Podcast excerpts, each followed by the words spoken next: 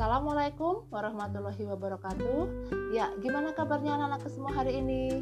Ya, semoga kalian selalu diberi kesehatan dan juga kelancaran dalam beraktivitas oleh Allah Subhanahu wa taala. Amin amin ya robbal alamin.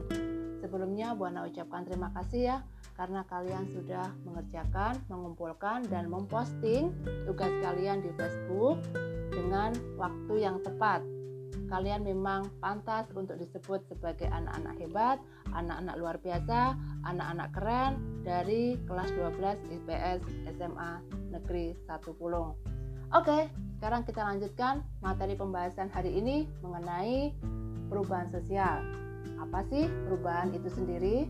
Ya, perubahan itu sendiri mempunyai arti adalah kondisi yang berbeda dengan sebelumnya, kondisi yang tidak sama dengan kondisi yang sebelumnya. Sedangkan perubahan sosial itu sendiri adalah perubahan yang terjadi di lembaga kemasyarakatan yang mempengaruhi sistem sosialnya, baik itu sikap, nilai, maupun pola perilakunya.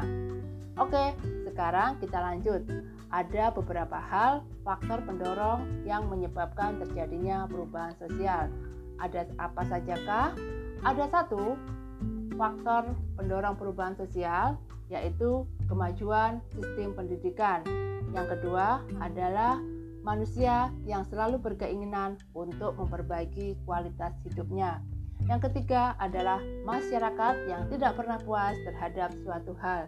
Dan yang keempat adalah sikap mudah menerima hal-hal yang baru.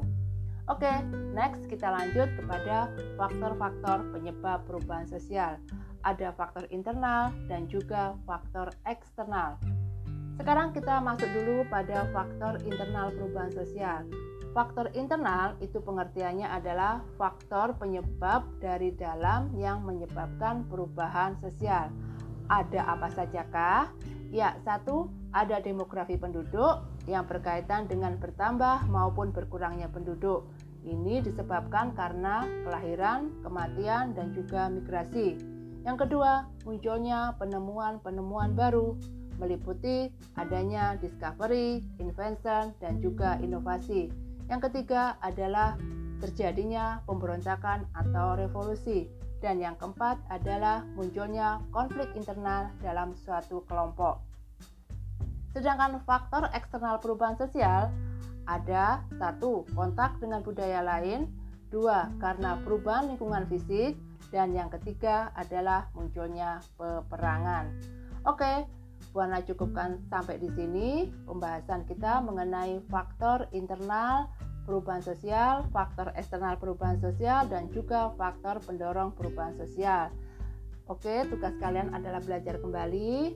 Semoga pembahasan hari ini bisa kalian pahami dengan tepat dan jelas. Cukup sampai di sini. Kalau ada masalah, bisa langsung hubungi Buana, dikomunikasikan. Kita ketemu lagi minggu depan. Akhir kata, wabillahi taufik walidayah. Wassalamualaikum warahmatullahi wabarakatuh.